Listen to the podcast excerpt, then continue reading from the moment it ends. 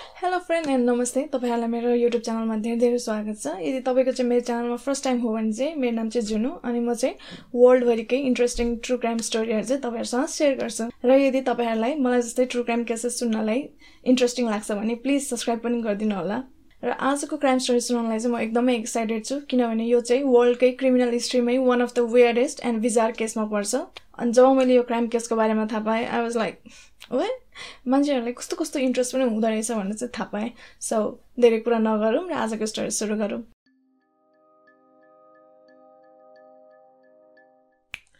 आजको स्टोरी चाहिँ एनाटोली मस्कुबिन भन्ने मान्छेको बारेमा छ र एनाटोली मस्कुबिनको जन्म चाहिँ नाइन्टिन सिक्सटी सिक्स फर्स्ट सेप्टेम्बरमा रसियाको निज्ने नोभगोड भन्ने सिटीमा भएको थियो र यो सिटी चाहिँ फिफ्थ लार्जेस्ट सिटीमा पर्छ रसियाकै। अनि एनाटोली मस्कुबिन चाहिँ थर्ड ग्रेडमा हुँदाखेरि ऊ स्कुलबाट घर फर्किँदै गर्दाखेरि चाहिँ उसलाई चाहिँ बिच बाटोमै नचिन्ने ठुलै मान्छेले चाहिँ उसको रेप गरेको थियो। अनि ऊ घर आएर आफ्नो लुगा फुकालेर ऐनामा हेर्दाखेरि चाहिँ उसको जिउभरि निलै निलो डामहरू थियो। अनि उसको प्यारेन्ट्सले पनि उसको जिउमा त्यो निलो डामहरू चाहिँ नोटिस गरेको थियो।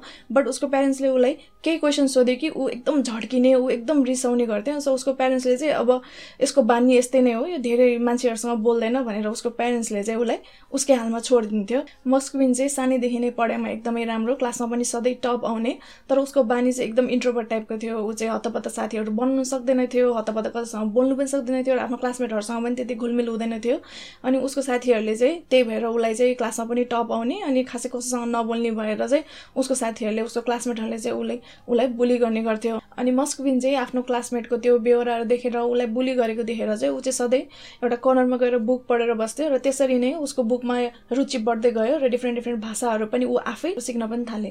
अनि नाइन्टिन सेभेन्टी नाइन फोर्थ मार्चमा चाहिँ सोभियत रसियाकै गभर्मेन्टले स्कुलहरूलाई चाहिँ एउटा कम्पिटिसन प्रोग्राम राखिदियो। त्यो प्रोग्राम अनुसार चाहिँ स्कुलहरूले डिफ्रेन्ट डिफ्रेन्ट स्कुलहरूले चाहिँ आफ्नो विद्यार्थीहरूलाई डिफ्रेन्ट डिफ्रेन्ट गाउँहरूमा लगेर चाहिँ उनीहरूले नचाहिने पेपरहरू फ्यालेको पेपरहरूको चाहिँ रिसाइकल गरेर केही बनाउनु पर्ने थियो।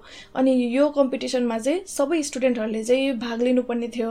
अनि यो कम्पिटिसन प्रोग्राम हुने बेलामा चाहिँ मस्विनको एज जम्मा बाह्र वर्षको मात्रै थियो। अनि ऊ त्यही नचाहिने पेपरहरू खोज्दै जाँदाखेरि चाहिँ ऊ एउटा ग्रेभयार्डमा पुग्यो एउटा कब्रिस्तानमा पुग्यो। अनि त्यो कब्रिस्तानमा चाहिँ एउटा ठुलो हुल थियो। त्यो हुलको मान्छेहरूले चाहिँ टाउकोदेखि खुट्टासम्म छोप्ने गरी कालो लुगा लगाएको थियो।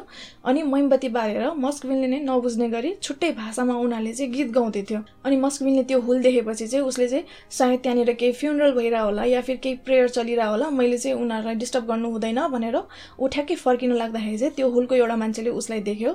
अनि त्यो देखेपछि त्यो मान्छेले उसको काँधमा समाएर उसलाई चाहिँ त्यो हुलबाट लग्यो। अनि ऊ पनि त्यो हुलमा गएपछि चाहिँ उसले के देख्यो भने त्यहाँ चाहिँ कफिन थियो र त्यो कफिनभित्र चाहिँ एघार वर्षको नतासा पेट्रोभाको डेड बडी थियो। अनि नतासा पेट्रोभाको डेथ चाहिँ कसरी भएको थियो भने ऊ नुहाइसकेपछि बाथटबबाट उसले टावल निकाल्नु खोज्दाखेरि चाहिँ उसको हातले नाङ्गो तार छोएको भएर उसलाई करेन्ट लागेर चाहिँ उसको मृत्यु भएको थियो। अनि त्यो हुलमा चाहिँ नतासाकै लागि भनेर त्यो सब त्यो गाना गाउने मैमबत्ती बाल्ने चलिरहेको थियो। अनि त्यहाँ चाहिँ नतासाको आमा पनि थियो। अनि नतासाको आमाले चाहिँ मस्कुबिनलाई के भन्यो भने तिमीले चाहिँ नतासाको डेड बडीलाई चाहिँ तिनचोटि किस्काउनुपर्छ भनेर भन्यो। अनि मस्कुबिनसम्म बाह्र वर्ष थियो। यो कुरा सुनेपछि ऊ चाहिँ एकदमै हातिन थाल्यो। उसले नाइ नै गर्नु थाल्यो। म गर्दिनँ हुँदैन भन्न थाल्यो। तर उसको कुरा चाहिँ कसैले पनि सुनेन। अनि नतासाको आमाले चाहिँ के पनि भनेको थियो भने यदि तिमीले हामीले भनेको मान्यौ भने चाहिँ तिमीलाई हामी फलफुल दिन्छौँ चक्लेट दिन्छौँ र पैसा पनि दिन्छौँ भनेर भन्यो। तर मस्कुबिनले चाहिँ त्यति भन्दाखेरिसम्म पनि उसले होइन म गर्दिनँ मलाई गर्नु छैन भनेर ऊ कति रुयो करायो। तर उसको कुरा चाहिँ त्यहाँ कसैले पनि सुनेन। अनि त्यसपछि अब उसले एक टाइममा आएर चाहिँ के रियलाइज गर्यो भने अब मैले चाहिँ यिनीहरूले भनेको नमानिन्जेलसम्म चाहिँ यिनीहरूले मलाई जानु दिँदैन यिनीहरूले चाहिँ मलाई छोड्दैन भनेपछि ऊ कफिनको हल्का नजिक गयो। अनि त्यसपछि नतासाको आमाले चाहिँ उसलाई हङ्गरियन स्याप दियो अनि उसको निधारमा केस गर्यो। अनि त्यसपछि ठ्याक्कै उसको पछाडि चाहिँ एउटा मान्छे उभिरहेको थियो। अनि त्यो मान्छेले चाहिँ उसको टाउकोमा समाएर उसलाई फोर्सफुल्ली नतासाको निधारमा चाहिँ तिनचोटि किस गर भनेर देखायो। अनि उसले त्यहाँ तिनचोटि किस पनि गर्यो। अनि त्यसपछि नतासाको आमाले दुइटा औठी निकालेर दियो। एउटा औठी चाहिँ मस्कबिनलाई अनि एउटा औठी चाहिँ नतासालाई लगाइदिए भनेर दियो। अनि उसले त्यो पनि मान्यो। अनि औठी लगाइसकेपछि चाहिँ नतासाको आमाले प्रमिस गरे अनुसार उसलाई चक्लेटहरू फलफुलहरू अनि पैसा दियो। अनि त्यसपछि चाहिँ उसलाई चाहिँ चालिस दिनसम्म चाहिँ यो कुरा कसैलाई पनि सेयर नगर कसैलाई पनि नसुना भनेर चाहिँ उसलाई घर पठायो। अनि त्यो टाइममा अब उसको एज जम्मा बाह्र वर्ष मात्रै थियो। अब त्यो बाह्र वर्षको मस्कबिनको दिमागमा त के थियो भने अब उसको त बे भइसक्यो। त्यही पनि डेड बडीसँग र उसलाई चाहिँ त्यो कुराहरू चाहिँ अति नै टु मच भइसकेको थियो। सो अनि ऊ डराएर त्यो मिठाई र फलफुल चाहिँ त्यहीँ बाटोमै फ्यालेर अनि पैसाले चाहिँ उसले जनावर भएको किताब किनेर ऊ घर फर्क्यो। अनि त्यसपछि ऊ घर फर्क्यो र त्यो रात चाहिँ उसलाई नतासाको नराम्रो सपनाहरू आउन थाल्यो अनि उसलाई चाहिँ सपनामा नतासाले के भन्यो भने ऊ चाहिँ नतासाको च्यानमा गएर चाहिँ उसले काला जादुहरू सिक भनेर उसलाई भन्यो। अनि उसले भोलिपल्ट चाहिँ के सोच्यो भने सायद अब हिजोको इन्सिडेन्टले गरेर उसलाई त्यो नराम्रो सपना आएको होला भनेर उसले इग्नोर गर्यो बट उसलाई चाहिँ कन्टिन्युसली त्यही सपना आउनु लाग्यो। उसलाई चाहिँ एभ्री नाइट नै त्यही सपना आउनु थाल्ने अनि त्यो सपनामा चाहिँ त्यही नतासाले चाहिँ उसलाई त्यो ग्रेभयार्डमा गएर त्यही जादुहरू सिक भन्ने। अनि मस्कविनले चाहिँ जति नतासालाई नाइ भन्थ्यो त्यति नै नतासाको हातमा चाहिँ रिसाउने गर्थ्यो अनि उसले चाहिँ अब चाहिँ अति भयो भनेर ऊ चाहिँ नतासाले जहाँ गाडिएको ठाउँ थियो त्यो ठाउँमा गयो र नतासालाई चाहिँ क्रासनया एतना सिमेन्ट्री भन्ने ठाउँमा गाडिएको थियो। अनि ऊ नतासाको च्यानमा गएर ऊ फेरि घर फर्क्यो र त्यो रात चाहिँ उसलाई केही सपना आएन र केही दिनसम्म पनि उसलाई चाहिँ नतासाको केही सपना आएन। बट फेरि केही समयपछि चाहिँ फेरि नतासाको सपनाहरू उसलाई आउनु थाल्यो। फेरि उसलाई नतासाको सपनाले सताउनु थाल्यो। उसलाई फेरि त्यही काला जादु सिक भनेर उसलाई भन्न थाल्यो। मस्कविनलाई चाहिँ अब त्यो सबै कुराहरू सहनुलाई चाहिँ टु मच भएर अति नै भएर चाहिँ उसले आफ्नो प्यारेन्ट्सलाई कुरा सेयर गर्यो। त्यो बेको कुरा त्यो इन्सिडेन्टको कुरा अनि यो नतासाको आत्माको बारेमा उसले सबै आफ्नो मम्मी ड्याडीलाई भन्यो। त्यसपछि उसको प्यारेन्ट्सले चाहिँ चाइल्ड साइकोलोजीकोमा लग्यो। अनि त्यो साइकोलोजिस्टले चाहिँ उसको प्यारेन्ट्सलाई र उसलाई चाहिँ के भन्यो भने यो चाहिँ त्यो दिनको नराम्रो असर मात्रै हो र अर्को मेन रिजन चाहिँ के भने यो चाहिँ प्युबर्टीले गरेर हो र यो उमेर बढ्ने टाइममा चाहिँ यस्तो चाहिँ सबैलाई हुन्छ यो हलिकेसन हुने यो भ्रम हुने चाहिँ सबैलाई हुन्छ भनेर त्यति भनेर उसलाई निन्द्रा लाग्ने र अलिकति रिल्याक्स हुने औषधि लेखेर दिएर चाहिँ उसलाई घर पठाइयो। बट मस्कोबिनले चाहिँ नतासाको सपनाहरू कन्टिन्युसली आउन थाल्यो रेगुलरली एभ्री नाइट आउन थाल्यो। र उसलाई यो त्यो इन्सिडेन्ट भएदेखि यो सपना आउन थालेको चाहिँ एक वर्ष भइसकेको थियो। अनि उसले चाहिँ नतासाको कुराहरू इग्नोर गर्थ्यो। अनि नतासाले पनि एक टाइममा आएर चाहिँ के रियलाइज गर्यो भने चाहिँ अब मस्कबिनले चाहिँ ऊबाट छुटकारा पाउनु खोज्दैछ भनेर उसले रियलाइज गरेपछि चाहिँ उसले मस्कबिनलाई एउटा अफर दियो। र त्यो अफर चाहिँ के थियो भने यदि मस्कबिनले आफ्नै उमेरको आफू जत्रै उमेरको कोही केटाको दाँत लिएर नतासालाई दियो भने चाहिँ उसको त्यो जुन बर्डन थियो उसको त्यो सपना चाहिँ सपना आउने जुन थियो त्यो चाहिँ अरू केटामा जसको दाँत हो त्यसमा पास हुन्छ भनेर चाहिँ उसलाई भन्यो। अनि त्यसपछि उसले आफ्नै क्लासको उसलाई मन नपर्ने केटाको दाँत ल्याएर आएर उसले सिरानी मुनि राख्यो। उसले दाँत चाहिँ कहाँबाट ल्यायो कसरी ल्यायो भनेर चाहिँ कतै पनि काहीँ पनि मेन्सन गरेको छैन बट उसले समहाउ त्यो दाँत ल्यायो। अनि नतासाले भनेअनुसार मस्कुइनले गरेपछि चाहिँ त्यो रातदेखि चाहिँ उसलाई नतासाको सपनाहरू कम्प्लिटली आउनु छोड्यो।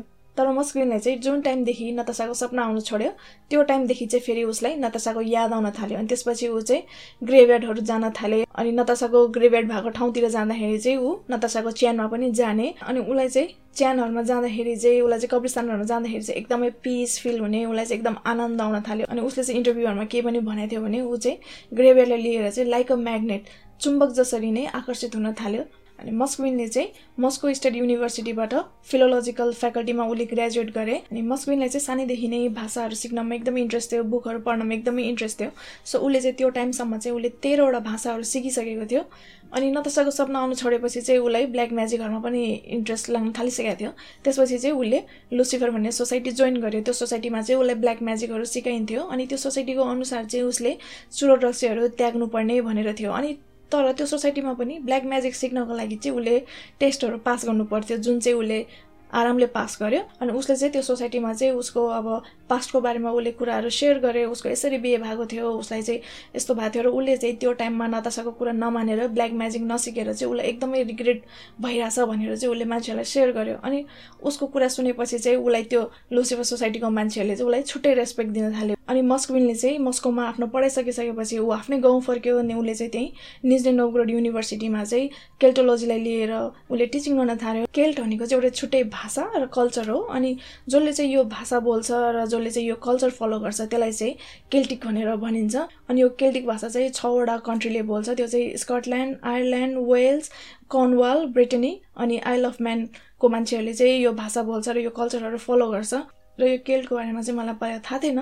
यही केस रिसर्च गर्दाखेरि मात्रै थाहा पाएँ। सो आफूले बुझेअनुसार चाहिँ यति नै हो।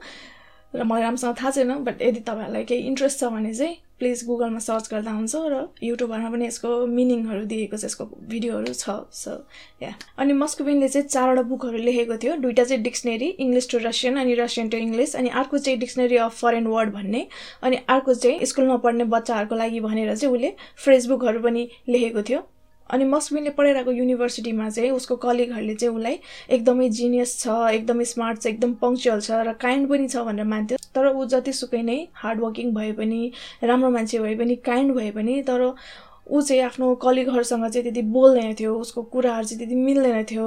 अनि उसँग कुरा गर्नलाई चाहिँ एकदमै अप्ठ्यारो मान्थ्यो उसको कलिगहरूले। अनि त्यस्तै क्रममा चाहिँ उसको चाहिँ कलिगहरूसँग चाहिँ केही डिसएग्रिमेन्ट भयो। अब के कुरामा त्यो चाहिँ थाहा भएन। अनि त्यसपछि चाहिँ मस्कबिनले त्यो युनिभर्सिटीमा पनि राजीनामा दिएर चाहिँ उसले आफ्नो टिचिङ काम पनि छोडिदियो।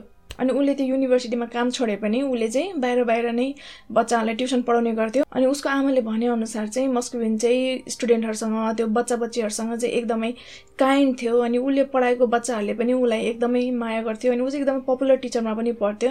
अनि टु थाउजन्ड थ्रीमा चाहिँ ऊ थर्टी सेभेनको इयर्स हुँदाखेरि चाहिँ उसले युलिया ग्रेनोभा भन्ने केटीलाई भेट्यो। युलियासँग चाहिँ उसको फर्स्ट रिलेसनसिप थियो। उसले कोही केटीलाई इन्ट्रेस्ट देखाएको र आफ्नो एटेन्सन दिएको भने चाहिँ युलिया मात्रै थियो। उनीहरूले एकअर्कालाई मन पराउन थालेपछि अब आफ्नो कुराहरू सेयर गर्न थालेपछि मस्कविनले युलिया चाहिँ आफ्नो लुसिफर सोसाइटीको बारेमा उसले भन्यो। अनि त्यो सोसाइटीको अनुसार चाहिँ उनीहरू सेक्सुअल रिलेसनमा बस्नु हुँदैन भनेर थियो। युलिया चाहिँ फेरि एकदम स्पिरिचुअल टाइपको अनि इन्डियन रिलिजियसलाई एकदम मान्थ्यो। सो उसले चाहिँ यो नन सेक्सुअल रिलेसनलाई लिएर केही पनि प्रब्लम छैन भनेर युलिया र उनीहरू राम्रोसँग खुसीसँगै बस्न थाले। अनि एक टाइममा आएपछि चाहिँ युलियालाई चाहिँ बच्चाको रहर लाग्न थाल्यो अनि उसले चाहिँ मस्कविनलाई भन्यो र मस्कविनलाई पनि बच्चाहरू एकदमै राम्रो लाग्थ्यो स्पेसली चाहिँ छोरीहरू। अनि उनीहरू दुवैजना मिलेर चाहिँ एडप्सन एजेन्सीमा चाहिँ उनीहरूले चाइल्ड एडप्टको लागि एप्लिकेसनहरू पनि भर्यो तर उनीहरूको एप्लिकेसन चाहिँ रिजेक्ट गरियो किनभने उनीहरूको चाहिँ बे पनि भएको थिएन र मस्कुबिनको चाहिँ एउटा राम्रो जब पनि थिएन। अनि मस्कुबिन चाहिँ थर्टी सेभेन इयर्स भए पनि ऊ अझै पनि आफ्नो बाउ घरमा बस्थ्यो। त्यसपछि चाहिँ उनीहरूको रिलेसनसिप टुट्यो।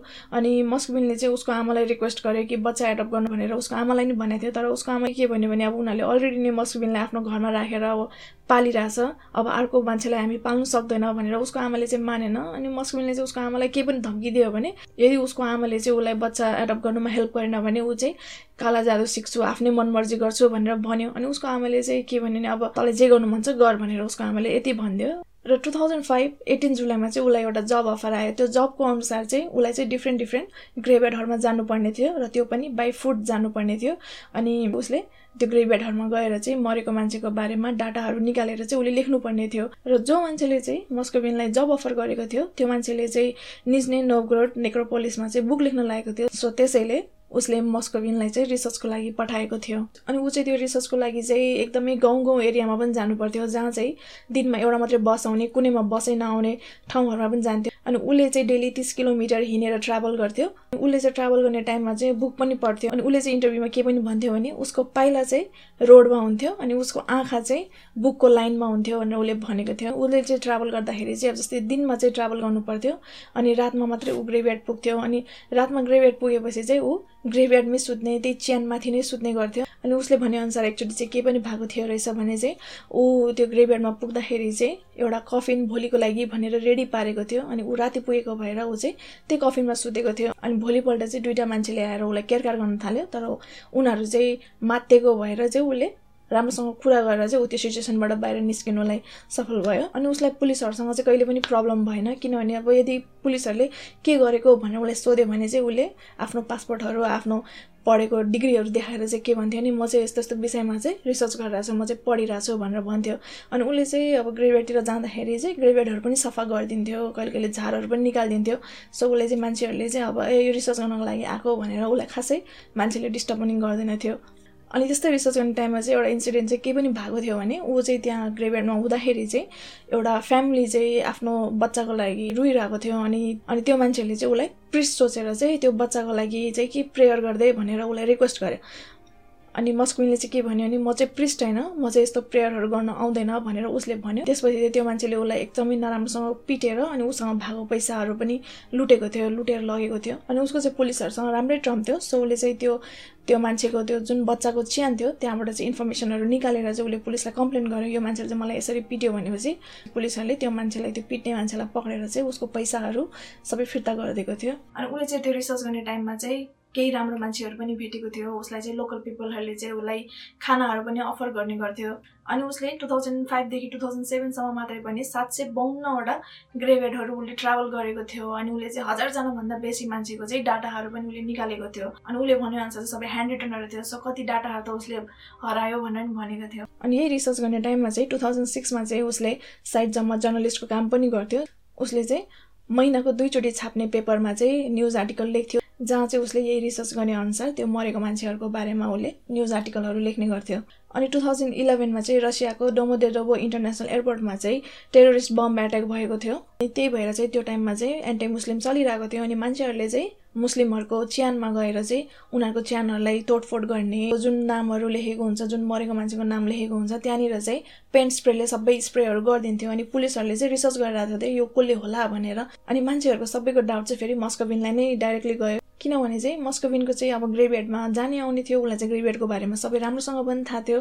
अनि अर्को चाहिँ उसले टु थाउजन्ड एटमा चाहिँ द हिस्ट्री अफ स्वस्तिका भन्ने बुक चाहिँ ट्रान्सलेट गरेको थियो। र त्यो अनुसार चाहिँ अब मस्कोबिन चाहिँ फेसिजम र नाजीलाई एकदमै सपोर्ट गर्छ भनेर थियो। अनि मस्कोबिनले चाहिँ न्युज पेपरहरूमा एन्टी मुस्लिमलाई लिएर नराम्रो नराम्रो न्युजहरू पनि लेख्थ्यो सो सबै कुराहरू विचार गर्दाखेरि चाहिँ पुलिसहरूको डाउट चाहिँ सिधै मस्कोबिनमै गयो अनि पुलिसहरूले चाहिँ केही दिनदेखि उसलाई फलो पनि गरिरहेको थियो। अनि उनीहरूले चाहिँ फाइनली के डिसाइड गर्यो भने अब चाहिँ अति भयो अब चाहिँ मस्कोबिनको घरमा चाहिँ हामीले छापा मार्नै पर्छ भनेर उनीहरूले चाहिँ मस्कोबिनको घरमा छापा मार्यो। अनि पुलिसहरू उसको घरमा छिर्दाखेरि चाहिँ एकदमै नराम्रो स्मेल आएको थियो अनि उसको घरभरि चाहिँ मान्छेको साइज जत्रो पुतली नै पुतलीहरू थियो र टोटलमा चाहिँ ट्वेन्टी नाइनवटा पुतलीहरू थियो। अनि पुलिसहरूले सर्च गर्ने टाइममा चाहिँ अब त्यो पुतली यसरी हटाउनु खोज्दाखेरि चाहिँ त्यो पुतलीको भित्रबाट चाहिँ एउटा म्युजिक आयो अनि पुलिसहरूले सोच्यो सायद यो पुतलीभित्र चाहिँ सायद केही एभिडेन्स होला केही डकुमेन्ट होला जसले चाहिँ अब यसले नै हो भनेर प्रुभ गर्छ भनेर पुलिसहरूले त्यो पुतली खतल खातल गर्दाखेरि त त्यो पुतलीभित्र त करङ जस्तो थियो र त्यो करङको ठ्याक्कै बिचमा चाहिँ उसले त्यो मुटु हुने ठाउँमा चाहिँ त्यो म्युजिक बक्स चाहिँ उसले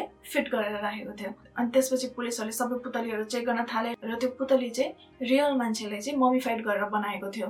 अनि पुलिसहरूले चाहिँ पुतलीहरूलाई एउटा एउटा गर्दै बाहिर ट्रकमा राख्दाखेरि चाहिँ उनीहरूको नेबरहरू चाहिँ सबै जम्मा भइसकेको थियो। अनि नेबरहरूले चाहिँ पुलिसहरूलाई के पनि भन्यो भने चाहिँ मस्किनको घरबाट चाहिँ जहिले पनि नराम्रो स्मेलहरू आउँथ्यो स्पेसली चाहिँ उनीहरूको घरको ढोका खोल्दाखेरि।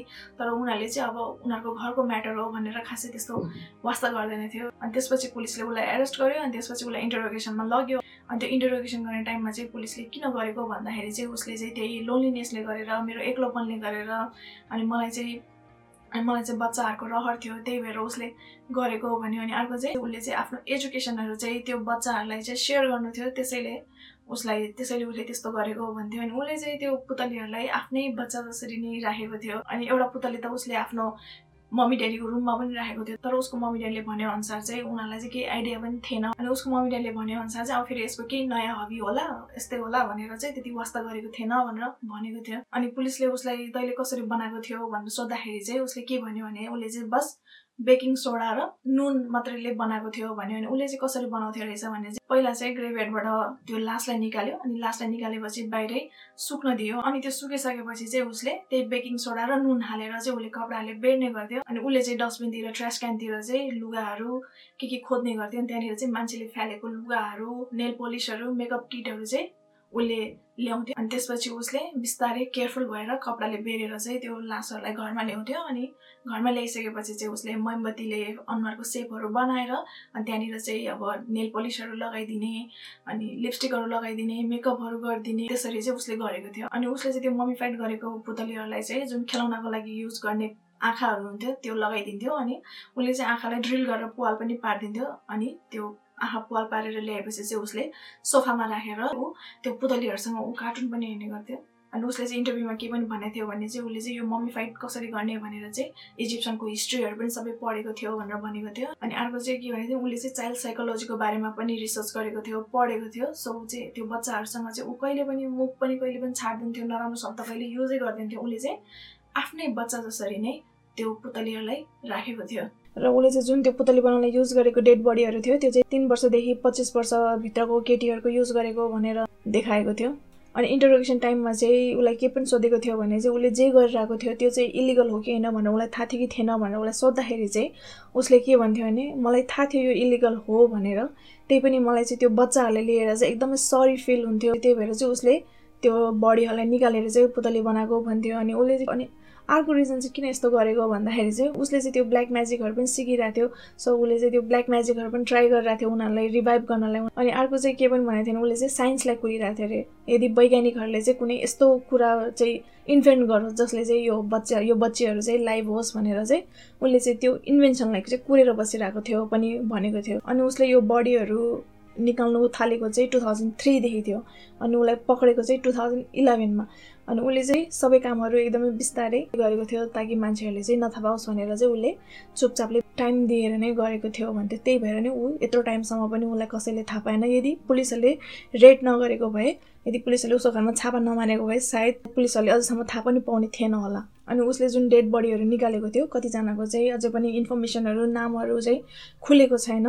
तर जतिसम्मको चाहिँ इन्फर्मेसन निक्लेको छ उनीहरूको चाहिँ डेट नर्मली थियो तर एउटा बच्चीको केस चाहिँ मर्डर केस थियो र कोइन्सिडेन्टली नै उसले फर्स्ट टाइम जुन बडी निकालेको थियो त्यो चाहिँ त्यही त्यही बच्चीको थियो। अनि त्यो बच्चीको नाम चाहिँ ओल्गा काडीमोमा थियो ऊ चाहिँ दस वर्षको थियो त्यो टाइममा अनि टु थाउजन्ड टूमा चाहिँ आफ्नो हजुरआमाको घर नजिकै थियो सो उसले चाहिँ आफ्नो मम्मी ड्याडीलाई चाहिँ म चाहिँ हजुरआमाको घर जान्छु एक्लै जान्छु भनेर रिक्वेस्ट गरेको थियो। अनि उसको मम्मी ड्याडीले पनि ठिकै छ ल जाऊ भनेर उसलाई पठायो एक्लै नै पठायो। अनि त्यो टाइममा चाहिँ उसले आफ्नो एकदम फेभरेट कपडा र फेभरेट ब्याग बोकेर गएको थियो। अनि ऊ हजुरको हजुरआमा आमा भएको बिल्डिङमा जाँदाखेरि चाहिँ ठ्याक्कै बिल्डिङको तल चाहिँ एउटा ड्रग एडिक्ट थियो। अनि त्यो ड्रग एडिक्टले चाहिँ उसलाई भेट्यो। अनि त्यो ड्रग एडिक्टले चाहिँ उसलाई माथि कौसीमा लगेर चाहिँ लुट्न खोज्यो। तर त्यो त्यो चाहिँ टु थाउजन्ड टूमा थियो र त्यो बच्चा चाहिँ सानै थियो र त्यो बच्चासँग चाहिँ खासै त्यस्तो केही थिएन। लाइक आई मिन त्यस्तो महँगो सामानहरू चाहिँ त्यति थिएन। तर पनि उसले चाहिँ त्यो केटीको कानबाट मुन्द्राहरू चोर्यो जुन चाहिँ अब खासै त्यो अब त्यो त्यस्तो इम्पोर्टेन्ट थियो थिएन। या फिर कति महँगो थियो थिएन। त्यो चाहिँ थाहा भएन। त्यसपछि चाहिँ त्यो बच्चा आत्तिन थाल्यो। अनि त्यसपछि चाहिँ उसले फलामको पाइपले त्यो बच्चालाई टाउकोमा हानेर चाहिँ मारेको थियो। जब उसको आमाले थाहा पायो कि मस्कुमिनले चाहिँ उसको छोरीलाई यसरी राखेको छ भनेपछि र उसको मम्मीले चाहिँ पुलिसहरूलाई के रिक्वेस्ट गर्यो भने यो मस्कुमिनलाई चाहिँ जिन्दगीभरलाई नै जेलमा राख भनेर रिक्वेस्ट गरेको थियो। त्यो बच्चीको आमाले चाहिँ के पनि भन्यो भने मैले चाहिँ मेरो बच्चालाई दस वर्ष राखेको थियो भने यो मस्कुमिनले चाहिँ मेरो बच्चालाई अलमोस्ट नौ वर्ष राख्यो भनेर चाहिँ भनेको थियो। मस्कुमिनको प्यारेन्ट्सले पनि यो सब थाहा पाएपछि चाहिँ उसको ड्याडीलाई चाहिँ हार्ट एट्याक आएर हस्पिटलमा राख्नु परेको थियो अनि उसको आमाको पनि हेल्थ कन्डिसन एकदमै नराम्रो भएर चाहिँ उसको मम्मी ड्याडी दुइटालाई नै हस्पिटलमा एडमिट गरेर राख्नु परेको थियो। अनि मस्कुमिनलाई चाहिँ कोर्टले के पनि भनेको थियो भने उसले जुन डेड बडीहरू युज गरेको थियो पुतली बनाउनलाई त्यो डेड बडीको प्यारेन्ट्सहरूले चाहिँ seventy five thousand American dollar pay गर अनि सरी माग भनेर भनेको थियो। तर उसले पैसा दिनु चाहिँ रेडी भयो। तर उसले सरी चाहिँ मागेन उल्टै उसले चाहिँ के पनि भन्यो भने तिमीहरूले चाहिँ आफ्नो बच्चीलाई मरेपछि चिसो ठाउँमा छोडिस् तर मैले चाहिँ तिमीहरूको बच्चालाई घरमा ल्याएर न्यानो बनाएर राम्रो कपडा लगाएर राखेँ भनेर चाहिँ उसले भन्थ्यो। अनि एउटा बच्चीको बाउले चाहिँ मस्कोबिनबाट seventy five thousand American dollar चाहिँ लिन मानेन किनभने उसले चाहिँ के भन्यो भने मस्कोबिनले चाहिँ मेरो छोरीलाई चाहिँ मैले भन्दा पनि राम्रो लाइफ दिइरहेको थिएँ मैले त मेरो छोरीलाई राम्रोसँग सबै कुराहरू प्रोभाइड गर्न सकेको थिएन तर मस्कोबिनले चाहिँ मैले भन्दा पनि राम्रो केयर दिएर पालेको रहेछ भनेर चाहिँ उसले त्यो पैसा लिनु मानेको थिएन। अनि टु थाउजन्ड टुवेल्भमा चाहिँ मस्कोइनको ट्रायल भएको थियो। त्यो ट्रायलमा चाहिँ उसलाई पाँच वर्षको जेल सजाय दिएको थियो। अनि उसलाई त्यो पाँच वर्ष जेलमा राख्दाखेरि चाहिँ स्केचोफ्रेनिया भन्ने रोग पनि लागेको थियो। त्यो भनेको चाहिँ उसलाई हलोकेसनहरू हुने डिल्युजनहरू हुने। तर उसको चाहिँ मेन्टल स्टेट चाहिँ लिगली नै इन्सेन्ट भएको भएर चाहिँ उसलाई जेलमा नलगेर चाहिँ उसलाई चाहिँ मेन्टल हस्पिटलमा राखेको थियो। अनि उसले चाहिँ खुल्लम खुल्ला नै सबैलाई केही पनि भनेको थियो भने चाहिँ म एकचोटि जेलबाट निस्केपछि चाहिँ म यो फेरि कन्टिन्यू गर्छु भनेर चाहिँ उसले भनेको थियो। अनि टु थाउजन्ड नाइन्टिनमा चाहिँ ऊ अलमोस्ट निस्किसकेको थियो। उसको मेन्टल स्टेट पनि सबै ठिकै छ भनेर सबै निस्किसकेको थियो। रिपोर्टहरू पनि निस्किसकेको थियो। तर ऊ निस्किनुभन्दा अगाडि चाहिँ एउटा लास्ट एउटा एउटा छुट्टै मान्छे त्यो मान्छेले चाहिँ ओके भन्नुपर्ने थियो। अनि त्यो त्यो ओके भन्नुपर्ने मान्छेले उसलाई फेरि रिचेक गर्दाखेरि चाहिँ उसको मेन्टल स्टेट चाहिँ अझै पनि चेन्ज भएको छैन। यो चाहिँ जस्ताको त्यस्तै नै छ भनेर उसलाई फेरि मेन्टल हस्पिटलमै लग्यो र त्यो दिनदेखि ऊ अझै पनि मेन्टल हस्पिटलमै छ। So that's all for today यदि तपाईँहरूले आजको भिडियो फुल सुनिदिनु भयो अरू हेरिदिनु भयो भने त्यसको लागि धेरै धेरै धन्यवाद। र आजको भिडियो राम्रो लाग्यो भने प्लिज लाइक गरिदिनुहोस् र यो केसलाई लिएर आफ्नो केही ओपिनियनहरू लेख्नु छ भने पनि प्लिज कमेन्टमा गरिदिनुहोस् र तपाईँहरूलाई अझै क्राइम स्टोरीहरू सुन्नु मन छ भने प्लिज सब्सक्राइब पनि गरिदिनुहोस्। आजलाई यति नै। अर्को क्राइम स्टोरी लिएर अर्को भिडियोमा आउनेछु त्यति जेलसम्म लागि please stay safe and take care bye bye